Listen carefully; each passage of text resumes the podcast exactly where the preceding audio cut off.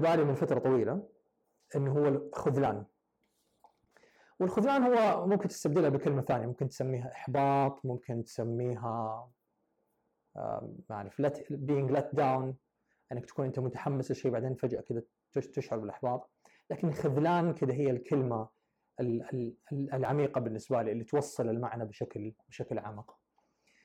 والعنوان الفرعي هي عن ضريبة الوعي. وخليني أبدأ مرة ثانية كده من الآخر للأول ما حاتكلم عن الخذلان ما حاتكلم عن الضريبة حاتكلم عن الوعي. وسبق وتكلمت عنها كثيرا كثير جدا في عندي تعريف شخصي خاص بي أنا للوعي أقول فيه إنه الوعي هو المسافة بين الحدث وبين ردة الفعل وما أبغى أكرر هذا كررته كثير لكن أبغى أدي كذا نبذة كذا بشكل سريع.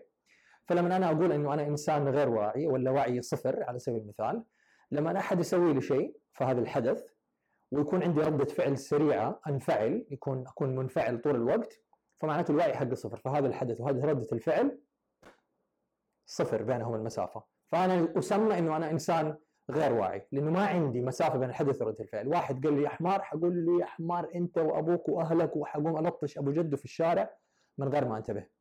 فهذا معناته أن إنسان غير واعي.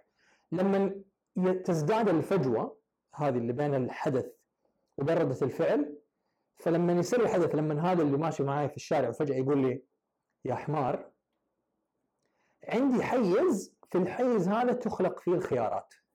ممكن يكون ما بيكلمني ممكن يكون بيكلم أحد ثاني ممكن يكون متضايق ممكن يكون أنا غلط عليه ممكن يكون أنا أذيته ممكن يكون أنا سويت شيء خبطته من غير ما أنتبه.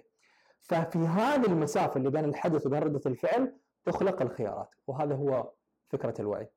ولما نجي نتكلم عن الوعي ونقول ما أعرف ليش دائما نسميها عالم الوعي، شو عالم الوعي؟ صراحة ما أعرف ولا عندي تفسير ولا تعريف ثابت لإيش هو عالم الوعي، لكن لما نتكلم عن مجال الوعي كذا بشكل بشكل عام أول شيء يجي على البال إنه الوعي هو يا سلام الحضور في اللحظة والهنا والآن والفراشات واليونيكورنز وال وال والإيش عيش اللحظة كذا كلها بكامل تفاصيلها وإنه الأشياء ما فيها سلب فقط حأشوف النصف الممتلئ من الكوب وما حأشوف النصف الفارغ من الكوب والحياة كذا ماشية بسريان.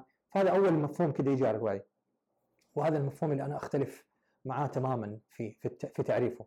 إنه هل الوعي إنه الأمور كلها ماشية على ما يرام طول الوقت؟ هل الوعي إنه دائما يكون عندي خيارات طويلة خيارات متعددة؟ وأنا دائما تكون الخيارات كذا عندي في ساعة وأقدر أختار الأشياء اللي أبغاها في الوقت المناسب لي ولا لا؟ فحننظر كذا للوعي بعين ثانية إنه فكرة إنه أنا لما أكون إنسان واعي ويكون عندي خيارات ما هي دائما إيجابية. ولذلك سميت ال سميت ال البث حق اليوم سميته خذلان. لما في ناس بيسألوا أسئلة كذا جدلية نور إيش رأيك في التطعيم وهل تطعمت والموضوع يحمس طيب حاجة كذا في الموضوع واحدة كذا المواضيع اللي حرميها كذا رمية كذا جانبية شمال شرق عشان بس كذا إيش؟ أعرج عليها كذا سريعا. فلما نيجي نتكلم عن موضوع الوعي أبغى أنسف الفكرة حقت أو أبغى كذا أركنها على الجنب. فكرة إنه الإنسان الواعي هو إنسان دائما حياته على ما يرام والأمور كلها ماشية تمام. وننسى تماما إنه الوعي هذا ممكن يجي معاه الكثير الكثير الكثير من المعاناة. فكذا في يعني في مثل أمريكي غبي يعني أنا يعني ما اعطيه بس أكرره بس عشان كذا أستشهد به مثل يقول ignorance is a bliss يعني ال... وبالعربي كمان يقول نفس ال... نفس العبارة إنه الجهل نعمة السؤال هو هل الجهل نعمة؟ هل ignorance حقيقي is bliss ولا لا؟ هل لما أكون أنا جاهل بالأوضاع وبالأشياء وبالأشياء اللي بتصير حواليني، هل أنا أكون في نعيم؟ ولا هل هو نعيم كذا زائف؟ أنا زي الحصان اللي كذا ماشي في الطريق والناس يقولوا طب خليني أشيل لك هذه اللي تغطي عيون الحصان على على اليمين وعلى اليسار بس عشان أشوف الواقع. يقول لا لا لا لا ما أبغى. الجهل نعمة الجهل نعمة الجهل نعمة. ما أبغى أشوف ما أبغى أشوف. خليني كذا ماشي على طول. بس أكون ماشي. قد يكون الطريق هذا اللي أنا مغطي عليه اليسار اللي بيقلل عني بيقلل من حياتي الخيارات نهاية الطريق هذا إنه أنا أطيح من سفح جبل وأموت. بس جانب مني يقول خليني أنا خليني جاهل خليني جاهل ما أبغى ما أبغى أشوف. وما يهمني إيش النتيجة النهائية. معاهم معاهم عليهم عليهم. طيب هل ممكن هذا الإنسان يكون مرتاح في حياته؟ أنا أقول قد يكون ظاهريا مرتاح بس داخليا عنده معاناة مرة كبيرة. هذا رأيي الشخصي قد تختلفوا معاه. شيء راجع لكم. فظاهريا هو إنسان مرتاح جدا. يقول لك عادي أمشي جنب الحيط. أصرف ما في الغيب أصرف ما في الجيب يأتيك ما في الغيب. خليك متوكل. نستخدم الكلمات كده في غير مكانها. وكده نضربها إيش؟ بوكو. نديها كده بويا الحياة. ما أبغى أشوف الحياة بحقيقتها لأنه الحقيقة حقتها قد تكون جدا جدا مزعجة وجدا بايخة وجدا مؤلمة. وأنا ما أبغى أشوف الألم. فأبغى أطنش أقول خلاص كذا أتجاهل واتغابى وأتغافل عن الموضوع وأسميها مسميات كذا أقول لا أنا إنسان متوكل أنا إنسان كذا وأبدأ أسمي نفسي كذا مسميات معينة عشان أتجاوز الموقف هذا وعشان أهرب من المسؤولية. لأنه الإنسان اللي يكون في هذا الوضع وأنا في فترة طويلة جدا من حياتي إلى عمر يمكن 30 سنة أنا يعني ممكن لو كان في أحد في الحياة ممكن يعني يرشحني في هذيك الفترة الزمنية يرشحني لجائزة أوسكار لدور الضحية أنا يعني ممكن أضارب كل أحد عليها. أنا يعني حأفوز فيها بلا منازع. ضحيه رقم واحد. مستحيل أتحمل مسؤولية. مستحيل أقول أنا أصلا أنا غلط دائما حقول لا والله مو أنا أنا مسكين أنا غلبان أنا ما حد يحبني. أنا أصلا عشان الجو كان حار. أنا عشان أمي ضربتني لما كنت صغير. أنا عشان أبوي. عندي مليون عذر وعذر يخليني أخرج من المسؤولية. إنه أنا ماني الغلطان. ويعني لو تقعد تحاجني من الان اليوم إلى بكرة الصبح يعني يعني حدخل في دور ملوش حل. ملوش حل. فهل أنا فهل أنا لما أكون في هذا المثال لما ألعب دور دور الضحية لما أنا أكون دائما المسكين لما أنا أقول أبغى أتجاهل ولا أبغى أتغاضى ولا أبغى أتغافل عن عن الضرر اللي إنه بيجيني وأقول له عادي خلاص أنا بس خليني ماشي معاهم معاهم مع مع الخيل مع الخيل يا شقرة. هم خلاص ما دام كلهم ماشيين في هذا الطريق أنا حمشي معاهم صح؟ أهم شيء إنه أنا أنتزع المسؤولية مني أقول هو قال مو أنا أنا ما قلت شيء والله هو قال هو دكتور هو عالم هو مدرس هو خلاص هو قال خلاص نمشي معاه طيب لو لو حيموت لو حينط من فوق سفح جبل لو حي حي حيلقى في التهلكة لو حي إيش؟ لا خلاص أهم شيء فدائما أبغى أحمل المسؤولية على احد ثاني ولذلك أفضل إنه أنا أكون في دور عدم وعي. لأنه لما أكون غير واعي أنا أخرج نفسي من مسؤولية اتخاذ القرارات. فأقول خلاص هم قالوا فأنا حمشي معاهم. فلما أحد يقول لي ليش سويت زي كذا والله مو أنا. أنا بس هم قالوا روح يمين أنا رحت يمين. كيف تغلطني أنا؟ فأسحب نفسي كذا من المسؤولية. هل ممكن إنسان في هذا في هذا الخيار خيار اللاوعي يكون مبسوط؟ ممكن يكون مبسوط. مريح دماغه وحقيقي يعني ما بقول تهكما. في ناس كثر جدا يقول لك يا عمي لا أبغى أعرف معلومات. خلاص هو اللي يشوفوه على التلفزيون هو الحقيقي.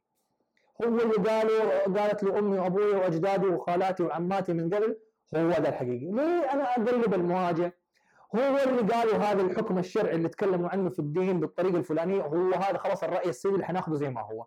ما نبغى نسأل أسئلة كذا خارج خارج النطاق. خلاص هو هذا اللي حناخذه هل يكون مرتاح؟ أنا أعتقد إنه يكون مرتاح. مرتاح خارجيا ظاهريا هو يكون مرتاح. لأنه ما عنده إلا خيار واحد الخيارات عنده غير واسعة فما يعرف إيش بيفوته. واحد من المعلمين حقوني في في في الببليك سبيكينج أول ما آه، تعلمت المهارة حقت ال public speaking إنه والله كان عندي كذا شغف إنه أبغى أطلع في يوم من الأيام أوقف قدام الجمهور في 300 شخص وأتكلم معاه فكان بيعلمني اخذت معاه برنامج حق حق public speaking فتدريب مدربين و public speaking اللي هو الخطابة.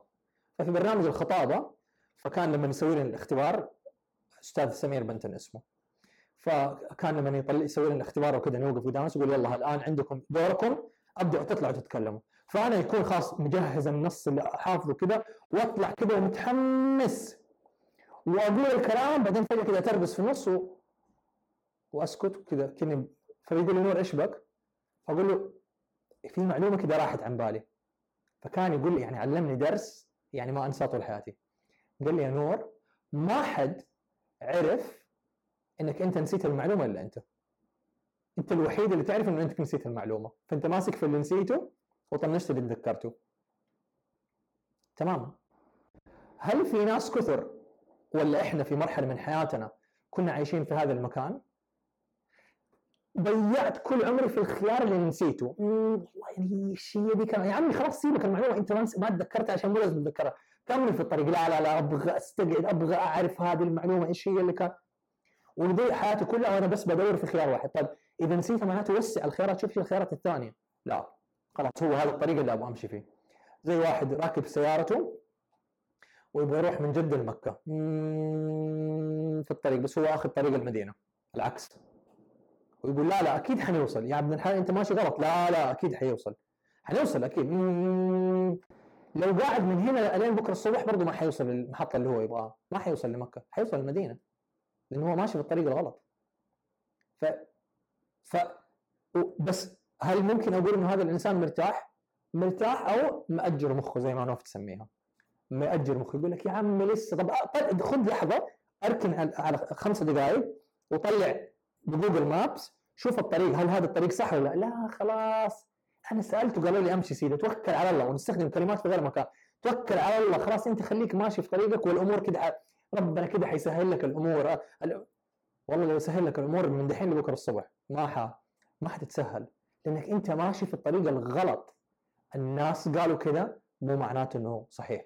خالي في يوم من الأيام حكاني حكاية يقول واحد من أصدقائه بيحكيه بيقول له في يوم من الأيام علق في البر في مكان في البر. فكان جالس في البر ومو هو عارف إيش يبغى ومو عارف كيف يشغل السيارة. خلص عليه البنزين. فأخذ جالون حق موية. فصديقه اللي معاه فبيقول له خلينا نروح يبغى لنا يمكن ثلاثة كيلو كذا مشي إلين ما نوصل لمحطة البنزين ونعبي فيها بنزين ونرجع. قال لا لا ما يحتاج ما يحتاج. هو ربنا عارف إنه إحنا مزنوقين وأكيد حينقذنا. إحنا إيش حنسوي كذا بنيتنا؟ حناخذ قارورة الموية نحطها في في في في التانك حق السيارة حق البنزين وكذا نسأل الله إنه ربنا إن شاء الله حيغير الموية البنزين فصديقه بيقول له إنه يعني سلامات. قال أنت ما عندك ثقة في الله؟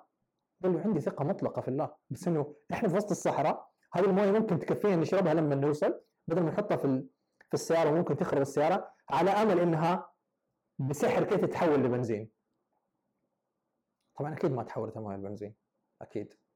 فهو علق في السيارة وصديقه الثاني أخذ الجالون حق الموية وراح والسيارة كانت عطلانة واضطروا ان هم يسحبوها للمدينة وهو كان عنده كذا حالة من كيف كذا يعني كيف ربنا تخلى عني؟ ربنا تخلى عنك ربنا أداك جالون الموية اللي يكفيك إن أنت يوصلك للمحطة عشان تشرب وما تعطش تعطش في وسط الحر بس أنت قررت إنك كذا تعيش.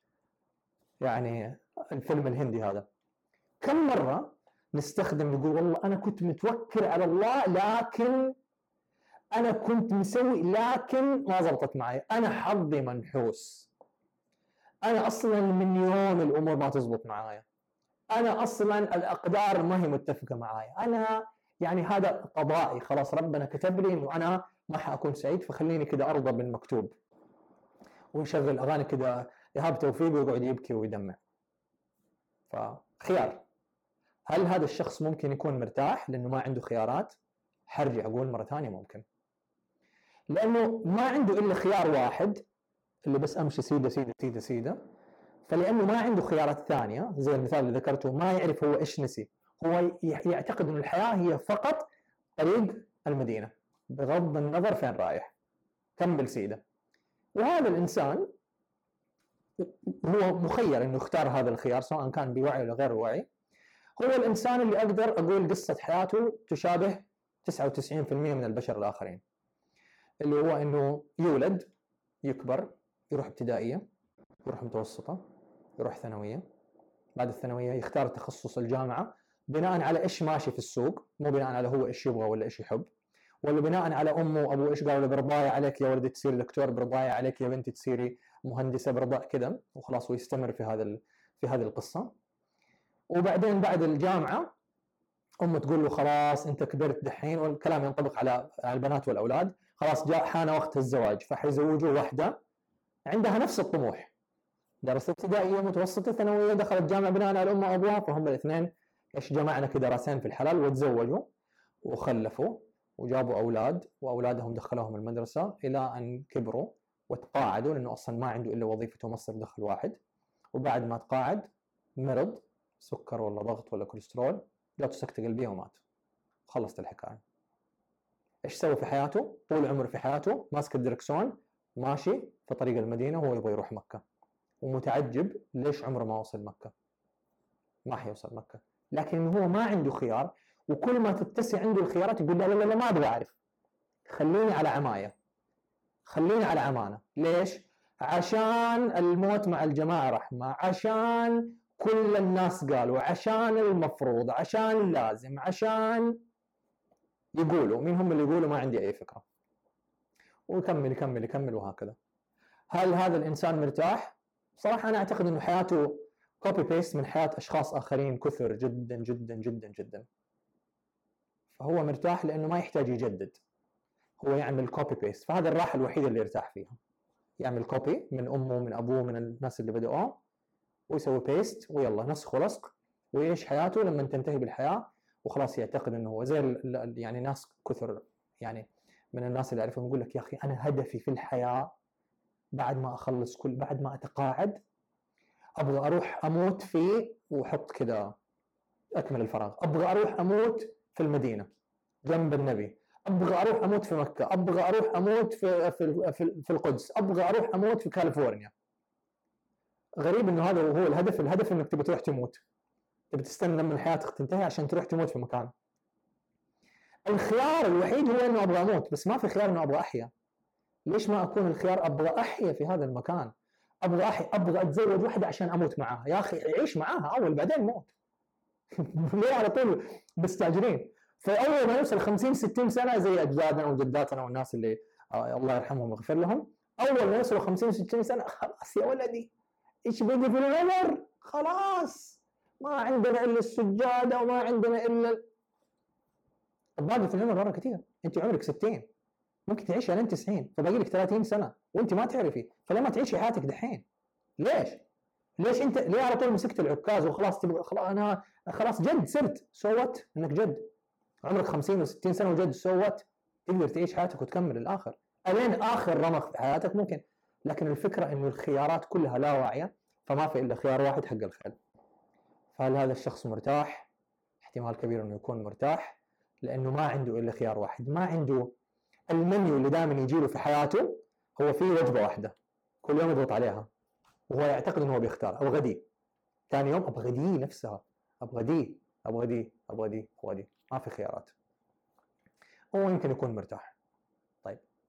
في مرحلة من مرحلة من مراحل حياتنا فجأة نستفيق نقول شت شت شت شت شت ما كنت أعرف إنه أنا عندي خيارات أوسع من كذا ما كنت أعرف إنه أنا لو أنا ماني مبسوط مع فلانه أقدر أنفصل من هذه العلاقة. ما كنت أعرف إنه أنا أقدر لو ماني مبسوط في الوظائف ممكن أبدأ business ما كنت أعرف إنه أنا لو أنا في حياتي في هذه الوظيفة الوظيفة هذه بتزعلني وبتضايقني وما بتحقق لي أهدافي وما بتشعرني بالسعادة أقدر أترك هذه الوظيفة أقدر على الأقل أعبي ال CV وأرسله ما كنت أعرف فجأة نعرف وأول شعور يجينا لما نكون غير واعيين ونصير واعيين هو الشعور بإيش؟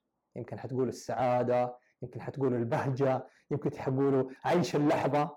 أنا أعتقد إنه أول شعور يجينا لما نكون غير واعيين وننتقل للوعي هو الشعور بالخذلان. ليش ما أخذت هذه الخطوة من أول؟ كيف عدت كل هذه السنين وما كنت منتبه؟ فالعنوان حق اللقاء هو ضريبة الوعي الوعي اللي نعتقد إنه والله الوعي يا سلام المجال حق الوعي حتواجه بلاوي ما لا أول من آخر وحتصاب بالخذلان من نفسك ومن الناس اللي حوالينك بشكل ما تتخيله وما بقول هذا الكلام عشان عشان أخرب أقول آه والله معناته خلاص أسحب على الوعي وأرجع مرة ثانية ألبس حقه الخيل وأمشي على طريق المدينة. ابدا مو هذا المقصد. المقصد إنك تكون مست... مس... نكون مستعدين. لأنه ما نبغى نأخذ الكلام حق الأفلام. الوعي هو هذه الرحلة التي نطير فيها إلى السماء ونفعل طاقة الكندليني ونسوي هذا جزء من الرحلة. بس لما نشوف كمان الجزء الثاني. نبغى نشوف إنه فجأة كنت أعتقد إنه أنا طفولتي كانت مرة ممتازة. وحياتي كانت خطيرة ورائعة وجميلة. فجأة لما أعي والوعي عندي فجأة تتسع عندي الخيارات أبدأ أنظر للماضي وأقول يا راجل أنا طفولتي كانت زبالة زبالة. أكلنا خرا لما قلنا بس وما كنا عارفين كنا نحسبه كيك طلع خرا. ونبدأ نضحك على نفسنا. خذلان. أول شيء يصير هو الشعور بالخذلان واللي متضايق من كلامي أتفهم بس يعني إيش كذا كلام من القلب. أول شيء يجي يصير إنه أنتبه إنه أنا كنت بضحك على نفسي لفترة مرة طويلة فأصاب بالخذلان. أكون عايش وماشي في المسار عشان أبغى أكون طبيب ولا أبغى أكون مهندس ولا أبغى أكون بعد ما أتخرج وأشتغل أربع سنوات ألاقي نفسي إنه أنا أكره دين أم التخصص ده. واكتشف لما أبدأ أتشافى وأبدأ أعي أكتشف إنه أنا دخلت هذا التخصص عشان أمي كانت تقول لي وأنا صغير إن شاء الله يا نور تكبر وتصير مهندس قد الدنيا. فأنا قررت إنه أدخل الهندسة بدل ما أدخل تسويق ولا إدارة أعمال ولا شيء عشان أرضي أمي. فجأة أقول شت درست خمس سنين عشان أكون مهندس واشتغلت سنتين. بعدين اكتشفت إنه مو هذا الطريق حقي. أنا كنت ماشي في طريق المدينة وأنا أبغى مكة. خذلان ضريبة الوعي هي إنك تكون مستعد ومجمد قلبك ومستعد إنك حتخذل لما تقول بس. بس هذا الخذلان مؤقت. فلو تعتقد انه لو نعتقد إنه إحنا في في رحلة الوعي فقط إحنا اللي حنخذل ابدا. ده إحنا حنخذل ناس ما لهم أول من آخر. حتخذل أمك وحتخذل أبوك وأصحابك وحيتخلوا عنك ناس بالهبل. ليش؟ إنك فجأة بدأت تتفتح بتشوف خيارات الوضع العالمي اللي بيصير. الناس بتروح تتطعم وبتشوف تقول واحد سافر وحيصير لنا وأنت أنت المجنون في العيله اللي عندك وجهة نظر ثانية مختلفة تماما. شايف الفيلم اللي صاير وعندك كذا نظرة بعيدة. وقاعد تشوفه من بعيد وبتحاول تقول للناس يقول لك يا أخي أنت اهبل أنت اهبل يا بنت. إيش الكلام الفاضي ده؟ معقول كل الناس هذول فاهم كلهم غلط وانت اللي صح. خذلان حتخذل الناس مرة كثير. وكل ما حاولت أوصل لهم إنه لا مو هذه وجهة نظر وجهة نظري إنه في خيار ثاني. وأنا عندي خيارات إنه ممكن أطعم ممكن ما أطعم. إنه أنا مقتنع ولا غير مقتنع؟ إنه خذلان حتخذل ناس مرة مرة مرة كثير. فمو بس إحنا حنشعر بالخذلان في رحلة الوعي حقتنا وبقول هذا الكلام عشان نكون مستعدين عشان صراحة أنا انصدمت في بداية رحلة الوعي حقتي. حسبت أو بداية رحلة الوعي كانت إنه بدأت أقرأ إنه في شيء اسمه الإيجو، إيش هذا الإيجو؟ والله في شيء ثاني ساكن معي في نفس الجسد هذا. إيش هو؟ بدأت أقرأ في علم النفس بدأت أشوف. بعدين تعرفت على ال meditation. قلت wow إيش هذا ال meditation الخطير؟ وصرت يعني مداوم على ال meditation كله كذا إدمان. مداوم على ال meditation يوميا 45 دقيقة مرتين في اليوم زي المجنون يمكن لمدة شهر كامل. وفي البداية الرحلة كانت مذهلة. wow إيش هذا؟ إيش بيصير معاي؟ جسمي كيف كذا الأشياء. لما بدأت تطلع البلاوي على السطح تطفو تطفو تطفو تقول الله معقول؟ معقول العلاقة اللي أنا كنت فيها؟ ماني مبسوط؟ oh my goodness خذلان خذلان من أول لآخر. كمية القرارات اللي اكتشفت انه مو أنا اللي اتخذتها في حياتي. من أبسط شيء إيش آكل وإيش أحب وإيش ما أحب. لمين أتزوج ومين ما أتزوج وفين أشتغل وإيش أسوي وإيش أعمل. مرعبة كانت بالنسبة لي. مرعبة. إنه في عمر ال 30 سنة اكتشفت انه 30 سنة من حياتي مو أنا اللي كنت بقرر. خذلان شعور إني أنا خذلت نفسي. وشعور كان مؤلم. ومبكي. ويجيب غضب ويجيب ألم ما له أول من آخر. لكنه مؤقت. والنتيجة في النهاية تستاهل إنه أنا أخذل عشان أتحرر من هذا الخذلان عشان أقترب لأنا مين. بس لازم لما نتكلم عن رحلة الوعي مهم إنه نتكلم على الصورتين. ما نتوقع إنه فقط الفراشات وفقط الأشياء الجميلة هذه الأشياء موجودة. لكن الكل يتكلم عنها وما يتكلم على الجانب الآخر من الوعي إنه قديش حأخذل. خلينا نكمل في خذلان الآخرين. لما فجأة تقرر بعد ما تكتشف إنه هذا المجال اللي أنت درسته واشتغلت فيه هو والشركة اللي تشتغل فيها أنت مو هي الشيء اللي تبي تسويه وتروح تواجه أمك وأبوك أو زوجتك أو العائلة وتقول لهم الصراحة أنا أعرف إنه أنا أخذت دكتوراه في هذا المجال أو ماجستير في هذا المجال بس أنا قررت إنه أكون فنان تشكيلي. يا خراشي! يخرب بيتك على بيت اللي شافوك فشلتنا. وطيحت راسنا في التراب وجبت لنا العار في العيلة. مصيبة وخذلان آخر. لما تعيش حياتك مع إنسان تعيش حياتك مع إنسان وبعد أربع أو خمس سنوات وطفلين والحياة مستقرة جدا جدا. مستقرة يعني copy paste ماشي في طريق المدينة في طريق المدينة في طريق المدينة. بعدين فجأة تكتشفي إنه أنا ماني سعيدة. ما في مشاكل بينك وبين هذا الآدمي. إنسان طيب وحبوب وابن حلال وأبو ممتاز بس ما في مشاعر. وتقولي أنا ماني سعيدة. وكل الناس اللي حواليك يقولوا لك أصلك انت مجنونة. أصلك ما تحمد ربك. أصلك ما تقدر النعمة. أصلا انت فيك انت يخفيك. يمكن عندك مس يمكن أحد سوى لك سحر يمكن أحد عمل لك مدري إيش. حقيقة تصري على هذا القرار إلى أن تنفصلي وتعرفي بعد ما تنفصلي إنه أنا أخذت القرار الصحيح. ويبدأ الناس اللي أمك يقولوا لك لازم تقعدي مع هذا عشان أولادك. عشان الأولاد لازم تقعدي معاه. بس أنت تجمدي قلبك وتقولي له وتقولي لهم أنا عشان أولادي أنفصل مو عشان أولادي حقعد. لأنه لو أنا إنسانة غير سعيدة معناته هو أب غير سعيد معناته أطفالي حيكونوا غير غير سعيدين. فأنا مو مو حأقعد عشان أولادي أنا حقرر إنه أنفصل عشان هذول الأطفال عشان يعيشوا حياة على الأقل سعيدة حتى لو من طرف واحد. مو لازم تكون الطرفين. وبعد ما تأخذ القرار نشوف نظرة الخذلان عند الآخرين. كده. رمت النعمة ما تقدر خمس سنوات شايلها حاططها فوق راسه. والله إنك جاحدة. فيكي يخطيكي إلى أن ينتهي الخذلان ويصير يضرب بك المثل. فلانة والله إنها شجاعة. بنتنا! هذه هي بنتنا! والله دحين بنتكم. أول لما كنت معاني ورايح المحاكم رايح جاي وكلهم قلتوا لي حسحب عليك دحين صرت بنتكم؟ ليه أول ما كنت بنتكم؟ دحين كنت بنتكم ها؟ عجيب والله. واضرب بك المثل. والله فلانة ساكنة تخيلوا خرجت من بيت أمها وأبوها وسكنت في شقة لحالها وهي ما هي متزوجة. والله فشلت العيلة كلها. خذلان نخذل كل العائلة وكل العالم. بس مسألة وقت. بعدين إيش يقولوا؟ فلانة. والله فلانة. هذه بنتنا. شوفوا كيف. يا ريتكم زي بنت فلان. يا ريتكم زي بنت فلان. ما شاء الله عليها. خرجت من بيت اهلها مستقلة عندها سيارتها وعندها راتبها. يو نو واشترت شقة كمان. حدتها بفلوسها. حيخذلوا في رحله في رحلة الوعي حقنا حيخذلوا ناس جدا كثر. وقاعدة كذا أنا كذا كل ما أنسى نفسي أرجع مرة ثانية أقول نور اتذكر نور اتذكر نور اتذكر كلما ازداد وعيك كلما خذلت ناس كثر كلما فقدك أقرب الناس إليك. هعيد مرة ثانية.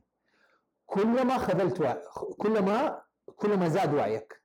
كلما خذلت ناس كثر كلما فقدك أقرب الناس إليك. مؤقتا. هم يفقدوك أنت ما تفقدهم. أنت شايف 360 درجة هم شايفين فقط 30 درجة قد كذا. فقط 30 درجة. بس. بس المشكلة إنه ما حد قال لنا إنه هذا الخذلان مؤقت. فإيش نسوي؟ نقرر إحنا ما نقرر. نقول ما حأتطلق. ما حأغير تخصصي. ما حأخرج من بيت أبويا. ما حأشتري سيارة. ما حأطلع رخصة عشان إيش يقول عليها بنت مفلوتة. ما ح... ما حأنفصل من هذه العلاقة اللي متعبتني. قعدت معاها سنوات طويلة وأنا بحاول أضبط أضبط في العلاقة وما تضبط فعشان ما اخذ ما أخذل نفسي وما اخذل الناس الثانيين حأعيش في ضنك وحمشي في طريق المدينة. على أمل أنه في يوم من الأيام الإله سينقذني وسينتشلني من هذا المستنقع اللي أنا عايش فيه. عمره ما حيصير. عمره ما حيصير. أمل. إبليس في الجنة. عمره ما حيصير. أبدا. عمره ما حيصير إحنا ما نسويه. فلما نقرر إن إحنا نختار إنه إحنا ما نختار عشان ما نشعر بالخذلان وما نخذل الناس الثانيين أقرب الناس لنا عشان ما نخذلهم الثمن يكون حياتنا بالكامل من أولها لآخرها. فنتخلى عن حياتنا ل عشان ما نشعر بالخذلان وعشان ما نخذل الناس الثانيين الإشكالية في الناس اللي أنت ما تبي تخذلهم وهم اللي يعتبوا عليك أبغى أقول إنه يعني وحعمم شوية كذا قد يكون تعميم في غير مكانه الناس اللي حيعتبوا عليك ولا حيلوموك ولا حيقول لك أنت فيكي وفشلتينا وسويتي وعملتي هذول الناس ما يبغوا. ما يبغوك تخذليهم لأنه حياتهم كلها من أولها لاخرها خذلان. هم مخذولين والخذلان هو الوحيد الشيء الوحيد اللي هم عايشين عليه. مخذولين بس حياتهم يعني خيارهم الوحيد هو إنه أنا أمشي في هذا الطريق. أمشي سيدة سيدة سيدة سيدة سيدة سيدة سيدة. الين ما أطيح من هوة الجبل. وانتهى. فإيش يقولوا؟ فالانسان اللي يقول لك اللي يقول لك لا تطلق مرتك. بس خذ لحظة كده وشوف علاقته مع مرته. هل هو مبسوط؟ ولا هو عنده كده مسوي نادي غير السعيدين مع نسائهم؟ فيبغاك ما تخرج من هذا النادي يبغاك تكون معاه. يعني أنا حقعد الوحيد اللي أنا ماني سعيد مع مرتي؟ طب خليك معايا. فصرنا اثنين ما إحنا سعيدين مع زوجاتنا. الأب ولا الام يقول لك يا بنتي أصبري على زوجك شوفي أنا صابرة 20 سنة مع, أبوكي حياتنا زي الزفت بس خلاص الحمد لله. عشانكم. عايشة في خذلان خذلت نفسها ويعني راضية بالخذلان. خلاص. فكل أحد يقنعنا إنه هذا يقنعنا ندوق من الكاس الوحيد. حقول إنه هذا هو هذا الطعم الوحيد اللي يعرفه. المنيو ابغدا ثاني يوم ابغدا نفسه ثالث يوم ابغدا رابع يوم. ما عنده خيارات. المنيو حقه عنده طلب واحد. هو انه أنا أعيش مع أبوكي. طب حياتك أنت معفنة. كم أحد من الناس اللي سويت معاهم sessions يقول قعدنا نترجى أمي سنين طويلة يرحم أمك تطلق من أبوي. حياتك معفنة وإحنا كلنا بنعاني. وهي تقول لا ابدا. أنا ابدا. إحنا في عائلتنا ما عندنا انفصال. إحنا في عائلتنا ما عندنا طلاق. إحنا في عائلتنا ما عندنا. إحنا بس كذا نعيش حياتنا كذا مغمضين بحقة الحصان وماشيين. ليش؟ خايفين من إحنا من الخذلان. خايفين ان إحنا نخذل نفسنا وخايفين ان إحنا نخذل الاخرين وما حد قال لنا إنه رحلة الوعي فيها خذلان بس ضحكوا علينا ما قالوا إن الخذلان هذا مؤقت. الخذلان هذا مؤقت. يعور ومؤلم ويبكي ويسوي شعور بالغضب ويسوي شعور ألم في القلب كأنه كأنك أنت بتطعن نفسك في قلبك بنفسك لكن مؤقت. لكنه مؤقت. أول ما تنتهي الفترة الزمنية حقت الخذلان أنت حتكون أنت. حتكون أخذت خطوة وأنت حتكوني اخذتي خطوة أقرب لذاتك. مهما كانت الظروف مجنونة مهما كان الناس بيزايدوا عليك كم أحد اليوم في ظل الظروف العالمية المستجنة دحين هذه؟ قال لك والله يعني كيف فشلت أنا والله. إيش الكلام كيف يعني أنت رأيك مختلف؟ وأنت تقول خليني أكون معاهم خليني أكون معاهم خليني أكون. بس في جانب منك يقول لك لا لا لا لا لا, لا. الخذلان هذا مؤقت. الخذلان مؤقت. أنا أعرف إنه أنا على صواب. أنا أعرف إنه أنا صحتي وحريتي الصحية ملكي أنا. ما هي ملك أحد ثاني. فعادي أخذ الأمي وأبوي عشانهم خايفين علي. عادي أخذ الناس اللي حواليني. عادي. مؤقت. مؤقت. في يوم من الأيام حيضرب بيه البنان. فلان هو والله اللي عبد الطريق. هو اللي سوى هو اللي عمل هو اللي فعل. بس حاليا حأرضى بالخذلان شوية. يعور ومؤلم ومو سهل ويسوي اكتئاب. أنا الفترة الأخيرة في يعني رحلة roller coaster طالع نازل طالع نازل طالع نازل والنزول أكثر من الصعود بكثير جدا. صعب ما هو سهل صراحة. في خذلان. لما تتناقش مع ناس ما عندهم منطق تقول له واحد اثنين ثلاثة تقول له واحد زائد واحد يساوي اثنين يقول لك لا يا عمي خمسة. يا عمي اخذناه في المدرسة زمان. هذا المنطق واحد زائد واحد يساوي اثنين يقول لك والله العظيم خمسة. كيف جبت الخمسة؟ شفتها في التلفزيون. كان في قرار إنه واحد زائد واحد يساوي خمسة. يا ابن الحلال. طب تعال نجيب الآلة الحاسبة نحط واحد زائد واحد إيش يطلع؟ اثنين. يقول لك هذه الآلة الحاسبة حقتك خربانة. هي خمسة. فلان قال شفتها في المكان الفلاني. ما في منطق. صفر. فتقرر إنك أنت تبلع ريقك وتقول خلاص ما في نقاش. خليني أنا مع نفسي. أنا حكون ال black sheep حكون كبش الفداء أنا حكون المجنون أنا حكون اللي اللي يقول يا الله ما بقي الا أنت مصيرك غصبا عنك حيحط راسك في التراب. مصيرك حتى وأذكرك. okay fine. حأخذ لك اليوم وحشعر بالخذلان أنا لكن أبغى أتذكر إنه هذا الخذلان مؤقت. مؤقت. ولما ينقضي هذا الخذلان أنت حتكون الفائز. في حياتك الزوجية في القرار اللي تقرره في الوظيفة اللي اللي تختارها أو تتركها في العلاقة اللي تكمل فيها أو تتخلى عنها. في الأطفال اللي أنت قاعد في هذه العلاقة عشانهم بس تقرر إنك تخرج من هذه العلاقة عشانهم عشان أنت تكون سعيد وهم يكونوا سعيدين. فلما نجي نتكلم عن الوعي أتمنى إحنا ننصف الوعي. الوعي نعمة كبيرة جدا. بس معاها خذلان. فإذا إحنا مستعدين للرحلة حقت الوعي هذا جمد قلبك اربط الحزام حط لك كذا علبة كذا ميكروكروم المعقم حق الأجراح وعلبة مناديل كذا عشان تخرج الدموع اللي حتطلع في رحلة الوعي عشان حتاخذ الكثير جدا.